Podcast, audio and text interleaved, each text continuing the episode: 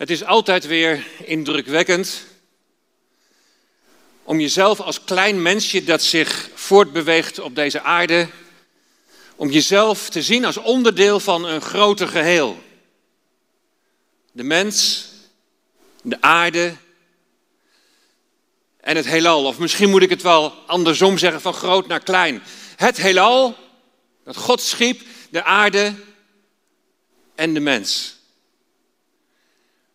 In de Bijbel, daar noemt de Heere God de volken een, een, een druppel aan een emmer. Hij noemt de volken als, als een stofje op de weegschaal. En wij als mens zijn nog kleiner dan dat. Daarmee wordt niet bedoeld dat jij als mens niet belangrijk zou zijn. Of dat je in Gods ogen niets voorstelt. Integendeel. Het geeft de grootheid van God aan. En het maakt het nog meer bijzonder dat Hij, de schepper van hemel en aarde, dat Hij bemoeienis wil hebben met jou. Dat Zijn oog op jou is. Jij die nog kleiner bent dan een druppel aan een emmer of een stofje op de weegschaal. Hoe klein je ook bent in verhouding tot Gods grootheid. We hebben het net gehoord, je bent, je bent geen toevallige samenloop van omstandigheden. Hij is jouw maker. Hij die het heelal, de aarde in zijn hand heeft, de eeuwige, de hoog verhevene. En als je dan die indrukwekkende beelden ziet van het heelal, van de aarde, van de natuur, en je ziet daar de scheppende hand van God in, dan voel je je in dat grotere geheel zo klein en zo afhankelijk.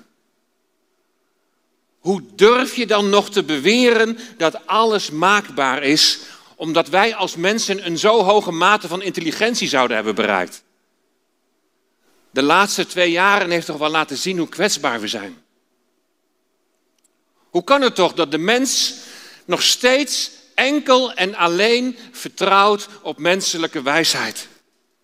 Waarom staat de schepper van hemel en aarde buitenspel? Waarom wordt Hij niet massaal aangeroepen met de smeekbeden om ons te helpen, om ons te beschermen, om ons te leiden? Hij die boven alle dingen staat en alles in zijn hand heeft. Hij de schepper die de hemelen en de aarde, hij die de mens geschapen heeft. Hij heeft jou gemaakt, geschapen naar zijn beeld en naar zijn gelijkenis. Als je dat weet en als je dat beseft, hoe kun je dan voorbij gaan aan je maker? Jullie hoorden net in het filmpje de woorden uit het Johannesevangelie die teruggaan helemaal naar de schepping. In het begin was het woord. Het woord was bij God en het woord was God. En dit was in het begin bij God. Alles is erdoor ontstaan. En zonder dit is niets ontstaan van wat bestaat. Het doel van Johannes, het doel van zijn evangelie is om duidelijk te maken dat Jezus, het kind dat geboren is in Bethlehem, dat hij de zoon van God is. En weet je, als je, als je een boodschap over wil brengen, dan moet je direct pakkend beginnen. En dat is wat Johannes doet.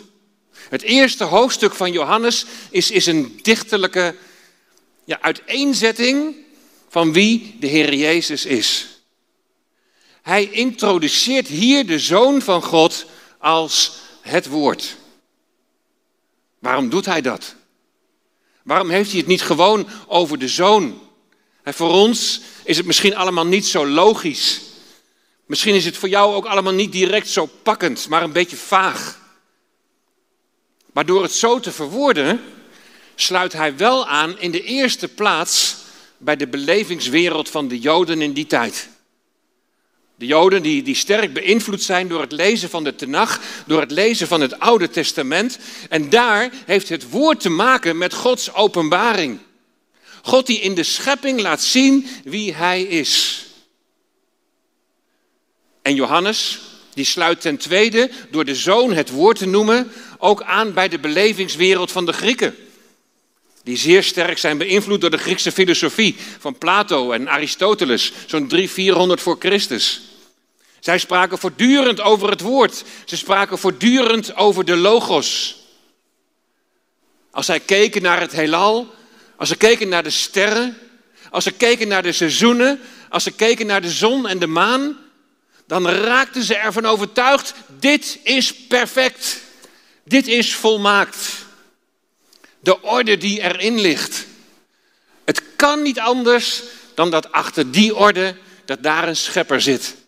En die schepper, die moeten we kennen. Maar ze beseffen zich ook heel goed dat het hier op aarde ja, niet zo best is. Dat op deze aarde zoveel niet op orde is. Er is chaos. Er is zoveel kapot gemaakt door de mens. Om dat te herstellen zou hier op aarde een afspiegeling moeten komen van die volmaakte schepper. Er moet iets komen, hij zo redeneren dan deze filosofen, er moet iets komen dat een bemiddeling is tussen God en de wereld. Dat werd dan helaas vaak gezocht in mensen, in dictators, die zich als God lieten aanbidden. Denk maar aan de Romeinse keizers. Als Joden horen over het woord, dan denken ze aan de openbaring van God in de schepping. En als mensen met een Griekse achtergrond in de tijd van Johannes dit horen of lezen, dan denken ze aan iets dat een bemiddeling moet zijn tussen God en de wereld. Waarin de geschiedenis van deze wereld dictators zich lieten aanbidden, die zichzelf uitriepen als middelaar, laat Johannes hier zien dat de logos, dat het woord, dat de middelaar de zoon van God is. En dat God zich in de schepping laat zien in de zoon. Hij gaat orde scheppen in de chaos. Hij gaat orde brengen in deze wereld. Dat deed hij toen al in de schepping. Maar hij is naast de schepper, is hij ook de herschepper. Die herstel zal brengen van wat de mens kapot gemaakt heeft. Maria, had je door dat jouw baby ooit de schepping zag beginnen? Maria, had je door dat jouw baby ooit de wereld terug zal winnen? Ik ga met jullie een paar versen lezen uit Johannes hoofdstuk 1. En dan vervang ik het woord, vervang ik door de zoon. Je ziet eveneens daar het woord licht een aantal keren. En ook dat ga ik vervangen door de zoon. Het woord, de zoon, het licht, de zoon. Nou lees maar mee in Johannes 1, vers 1 tot en met 14. In het begin was de zoon. En de zoon was bij God. En de zoon was God. Hij was in het begin bij God. Alles is door de zoon ontstaan. Zonder de zoon is niets ontstaan van wat bestaat. In de zoon was leven. En het leven was het licht voor de mensen. De zoon schijnt in de duisternis. En de duisternis heeft hem niet in haar macht gekregen. Er kwam iemand die door God gezonden was. Hij heette Johannes. Hij kwam als getuige om van de zoon te getuigen, opdat iedereen door hem zou geloven. Hij was niet zelf de zoon, maar hij was om te getuigen van de zoon. De ware zoon die ieder mens verlicht en naar de wereld kwam. De zoon was in de wereld en de wereld is door hem ontstaan en toch kende de wereld hem niet. Hij kwam naar wat van hem was. Maar wie van hem waren, hebben hem niet ontvangen. Wie hem wel ontvingen en in zijn naam geloven, heeft hij het voorrecht gegeven om kinderen van God te worden. Zij zijn niet op natuurlijke wijze geboren, niet uit lichamelijk verlangen of uit de wil van een man, maar ze zijn uit God geboren. De zoon is mens geworden en heeft in ons midden gewoond, vol van genade en waarheid. En wij hebben zijn grootheid gezien, de grootheid van de enige zoon van de Vader. Tot zover Kijk, Johannes die gaat helemaal terug naar het begin. Niet naar het begin van de jaartelling, toen de Heer Jezus werd geboren. Maar hij gaat helemaal terug naar de schepping. In het begin was de zoon. De zoon was bij God en de zoon was God. Hij was in het begin bij God. Dus al in het begin, toen de hemelen en de aarde geschapen werden, zelfs daarvoor al, was de zoon bij God de Vader. Al voordat de wereld bestond, was daar een, een eenheid in wezen van vader en zoon. Bedenk dus bij het kind liggende in de kribbe in Bethlehem, dat het hier gaat om de zoon van God, die er al was voor de grondlegging van de wereld, maar die nu mens is geworden. Het woord, de zoon, is mens geworden en heeft in ons midden gewoond. Waarom is Jezus zo belangrijk? Hij is de zoon. Hij was bij God. En dan lezen we in vers 3, alles is door het woord, alles is door de zoon ontstaan. Zonder het woord, de zoon, is niets ontstaan van wat bestaat. Weet je, in Genesis bij de schepping, daar lezen we iedere keer en God sprak en het was er. God heeft geschapen door het woord. Geschapen door de zoon die daardoor schepper is. Als de zoon spreekt, is hij in de zoon scheppend bezig. En wat was het eerste dat hij schiep? Licht. Er zij licht. Duisternis zweefde over de wateren, maar toen deed God het licht aan. Ben je wel eens in een donkere kamer op zoek geweest naar een lichtschakelaar? Als je die eindelijk hebt gevonden, toch een stukje opluchting. Want het is helemaal niet fijn om zo ergens te lopen waar je niks kunt zien. En als dan het licht aangaat, dan is het oog verblindend. Tegenwoordig kan het al veel makkelijker. De techniek is al zo ver dat je alleen maar hoeft te zeggen licht aan. Dat lijkt een beetje op God sprak en het was er. En toch is er een heel groot verschil. Wij moeten eerst iets maken, we moeten iets programmeren, zodat het licht op onze, op onze stem reageert. Maar God schept uit het niets. Hij doet uit het niets, doet hij het licht aan. Er zij licht. Hoe moet je dat nou zien? Op de vierde dag werd pas de zon, de maan en de sterren geschapen. Maar voor die tijd, er is licht. Aan het eind van de Bijbel, helemaal in het boek Openbaring, hoofdstuk 22, vers 5, daar zie je dat het licht van de zon niet meer nodig is, omdat God zelf ons verlicht. Dat is de situatie van het begin. In de Bijbel, daar wordt licht wordt metaforisch gebruikt voor de aanwezigheid van God. Er zij licht betekent als het ware, hier ben ik. God die zich openbaart. God die zich openbaart in zijn zoon, de schepper, die het woord is. Als de Heer Jezus is geboren, als hij mens is geworden, is er in de duisternis van deze wereld is een stralend licht opgegaan. Hier ben ik in de zoon. Mens geworden. Hij is het licht van de wereld. Hij is de blinkende morgenster.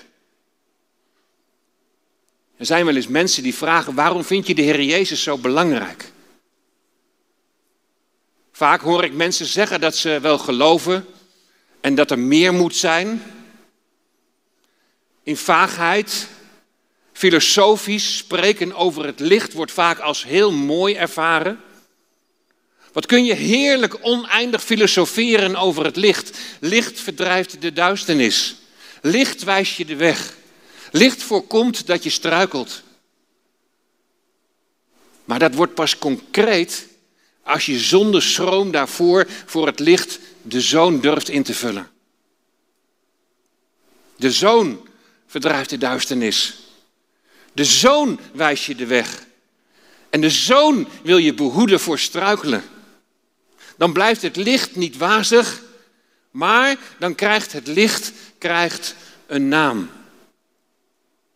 Daarom las ik voor licht ook de Zoon, die voor ons de Heer Jezus Christus is. Weet je, als je het moeilijk hebt, en nou in deze tijd hebben heel veel mensen hebben het moeilijk, dan kunnen lichtjes in de duisternis, zoals kaarsen of kerstboomlichtjes, die kunnen toch iets van, van sfeer geven. In die sfeer van warmte kun je dan misschien een beetje je in gedachten onttrekken aan de soms harde realiteit van de moeilijke gebeurtenissen in je leven. Op zich is daar niks mis mee. Maar als het licht ineens een naam krijgt, dan, dan, dan merk ik dat het voor heel veel mensen toch wel wat lastig wordt. als jij spreekt over een schepper, dan is het vaak wel oké als jij daar zo over denkt. Als wij, wat er dan meer is, God willen noemen, is dat ook nog wel prima. Maar zo gauw het over Jezus gaat, dan is dat vaak een brug te ver. En dat is misschien ook wel te begrijpen. Als God al vaag voor je is, wat moet je dan met een zoon van God? Ik heb zelfs van een predikant die vraag een keer gehad: waarom is Jezus toch zo belangrijk voor jou? Nou weet je, als je daar antwoord op wil geven, of misschien ben je wel, terwijl je nu kijkt en luistert, zoekende naar een antwoord, dan zou ik je aanbevelen om Johannes hoofdstuk 1 te lezen. En lees voor het woord maar de zoon en voor het licht de zoon. Dan zie je de centrale rol van de zoon in dit hele wereld gebeuren. Het kind in de kribbe is het woord.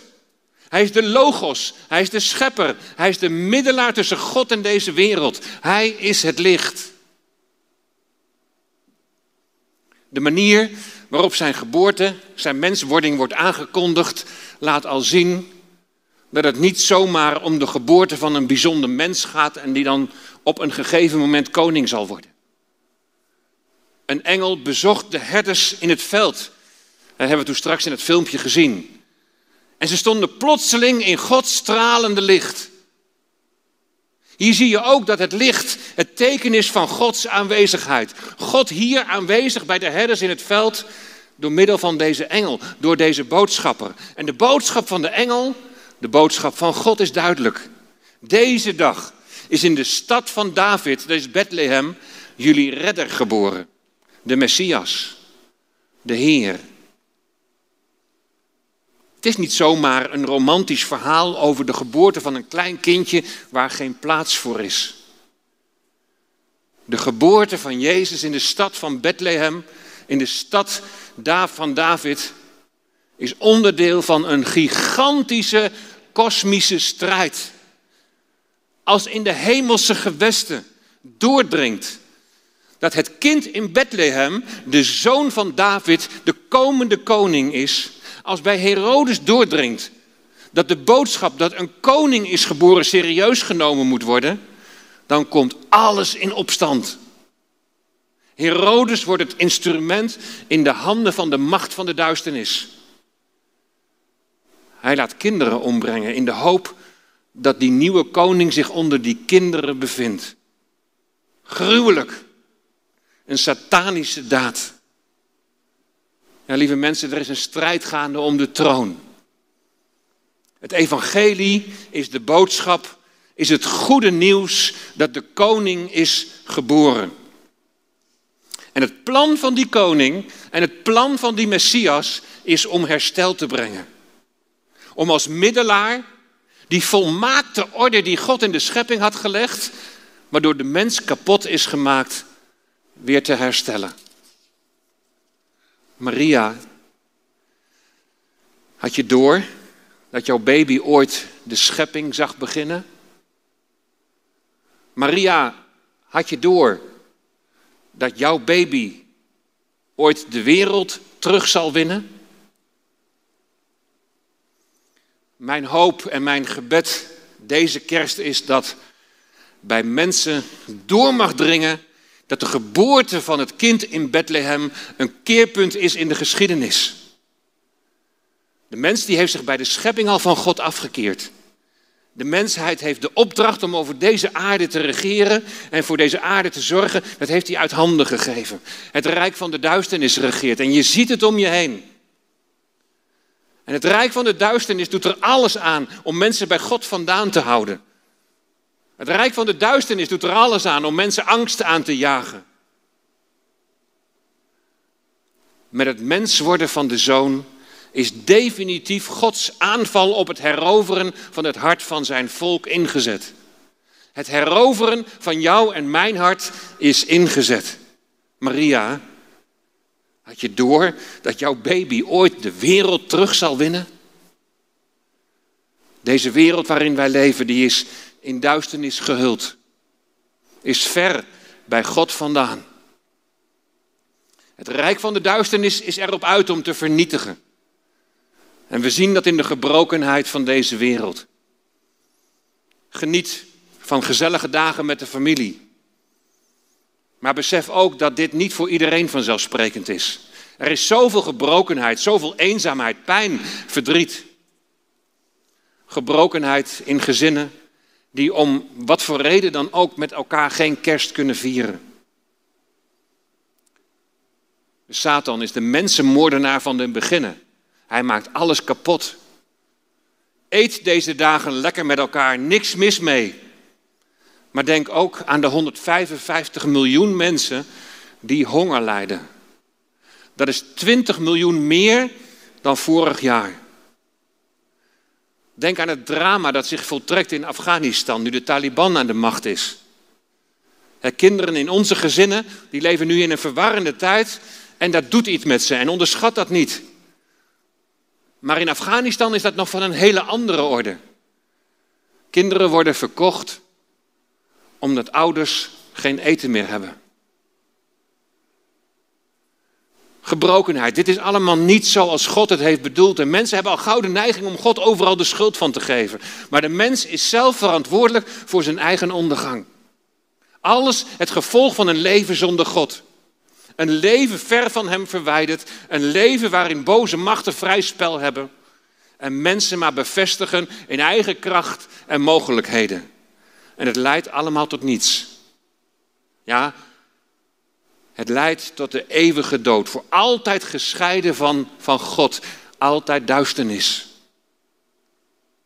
Bij de schepping deed God het licht aan. Maar de mens had de duisternis meer lief dan het licht.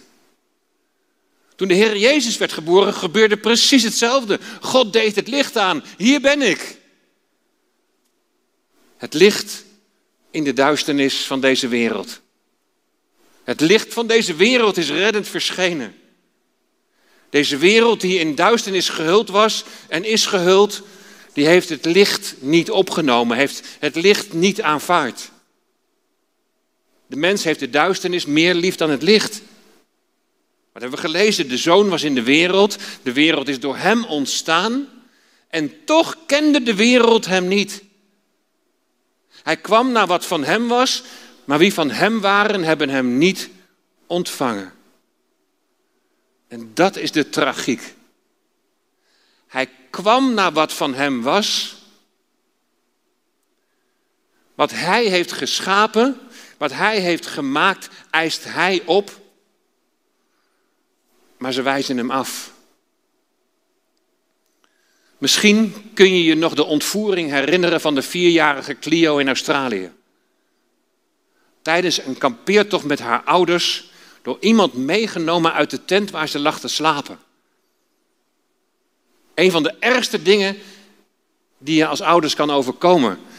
Een nachtmerrie. Hoewel de mens zelf verantwoordelijk is voor het weglopen bij God, zal het voor God de Vader toch ook zo hebben gevoeld. Dat zijn eigendom, het schepsel dat hij heeft gemaakt, de mens die hij uitnodigde om in zijn liefde te delen, dat die is weggeroofd door de macht van de boze. En Clio die is na twee weken teruggevonden bij een 36-jarige man. Maar stel je nou eens voor dat je als ouders je kind weer ziet. Je bent dolgelukkig. En dan blijkt dat je dochter niet meer terug wil. Nou, dat was hier gelukkig niet het geval. Maar in Gods geval is het wel zo. Wie van hem waren, hebben hem niet aangenomen. Hij kwam tot het zijne, maar de zijnen hebben hem niet aangenomen. Hoe is het mogelijk? Mag ik eens vragen, heb jij hem al ontvangen? En de geboorte van de Heer Jezus is niet zomaar een romantisch verhaal waarbij de lichtjes belangrijker zijn dan de persoon. Want een kind is ons geboren, een zoon gaf God aan ons. Immanuel, God met jou. En de heerschappij rust op zijn schouders. Hij is de vredevorst. Zijn koninkrijk van vrede en gerechtigheid zal aanbreken. Als je nou eens om je heen kijkt. Als je kijkt naar de realiteit van deze aarde, van dit leven. Als je om je heen ziet hoeveel kapot is en kapot is gemaakt. Heb je dan niet het verlangen dat de aarde een afspiegeling zal zijn van de hemel? En zou je daar dan niet onderdeel van willen zijn? Maar dat kan. Hoe dan? Jezus zei tegen een schriftgeleerde, tegen Nicodemus, tenzij iemand wederom geboren wordt, kan hij het koninkrijk van God niet zien. Dus om onderdeel te worden van dat koninkrijk, dat een afspiegeling is van de hemel, dat is wat gaat komen, moet je opnieuw geboren zijn. Weet je, niet iedereen wees hem af. In die tijd niet en ook nu niet. We lazen in vers 12, wie hem, wil, wie hem wel ontvingen en in zijn naam geloven, heeft hij het voorrecht gegeven om kinderen van God te worden. Zij zijn niet op natuurlijke wijze geboren, niet uit lichamelijk verlangen of uit de wil van een man, maar uit God. Hem ontvangen, in zijn naam geloven, geboren worden uit God. We gaan zo meteen weer zingen en dan gaan we zingen over de zoon die God ons gaf. Hij zal regeren. En in het tweede couplet zingen we dan de volgende woorden. Want al zo lief had God de wereld, dat Hij zijn zoon gegeven heeft. Iedereen die in Hem gelooft, leeft in eeuwigheid. Geloof je dat Hij het woord is, de schepper, de herschepper? Geloof je dat Hij de, de zoon van God is, dat Hij de middelaar is? De middelaar tussen God en mensen. Hij heeft de relatie met God hersteld. Hij heeft zich met ons vereenzelvigd. Hij heeft de straf voor alles wat wij kapot hebben gemaakt, omdat wij voor onszelf leefden, heeft Hij gedragen toen Hij stierf aan het kruis. Geloven in Hem en vertrouwen op Hem, dat gaat je van binnenuit veranderen. Als je in overgave naar God uitspreekt, dat je tot de ontdekking bent gekomen dat de Zoon de bron en de drager van het leven is. Als je in overgave naar God uitspreekt dat je gelooft in Jezus de Messias, die zijn leven geeft, opdat jij leven zou ontvangen. En als je in overgave vraagt om de uitstorting van de Heilige Geest in jouw leven, dan wordt je geest verlicht en dan gaat zijn geest met jouw geest getuigen dan gaat Hij jou de overtuiging geven dat je een kind van God bent. Het kind is gekomen om de duisternis te verslaan. Dat heeft hij gedaan toen hij onschuldig aan het kruis stierf. Het kind is gekomen opdat jij kind van God zou worden. Als je dit leven nog niet kent, mag God dan het licht aandoen in jouw leven? Hij ontvoert je niet terug. Maar hij laat je zelf beslissen. Maar hij nodigt je wel uit. Kom tot mij. Kom tot mij, allen die vermoeid en belast zijn. Kom tot mij en ik zal je rust geven. Hou vast, je bent, je bent geen toevallige samenloop van omstandigheden. Je bent geliefd door je schepper. Hij wil met zijn licht in jouw hart schijnen. Om daarmee twee dingen te laten zien. Allereerst zegt hij hiermee, hier ben ik. Kom mee naar huis. Daarnaast wijst hij met zijn licht de duisternis in jouw leven aan. En dan laat hij zien hoe ver je van hem verwijderd bent. En God laat vervolgens zien dat zijn zoon, die in de duisternis is gekomen toen hij mens werd, dat hij in God verlatenheid stierf aan het kruis om jouw duisternis op te heffen. Mag hij het licht aandoen in jou? Het woord is mens geworden en heeft in ons midden gewoond, vol van genade en waarheid. Geloof in het kind van Bethlehem. Geloof in de man aan het kruis. Geloof in de Heer Jezus Christus. Hij heeft de weg naar de Vader geopend. Ontvang Hem in je hart en wees welkom. Amen.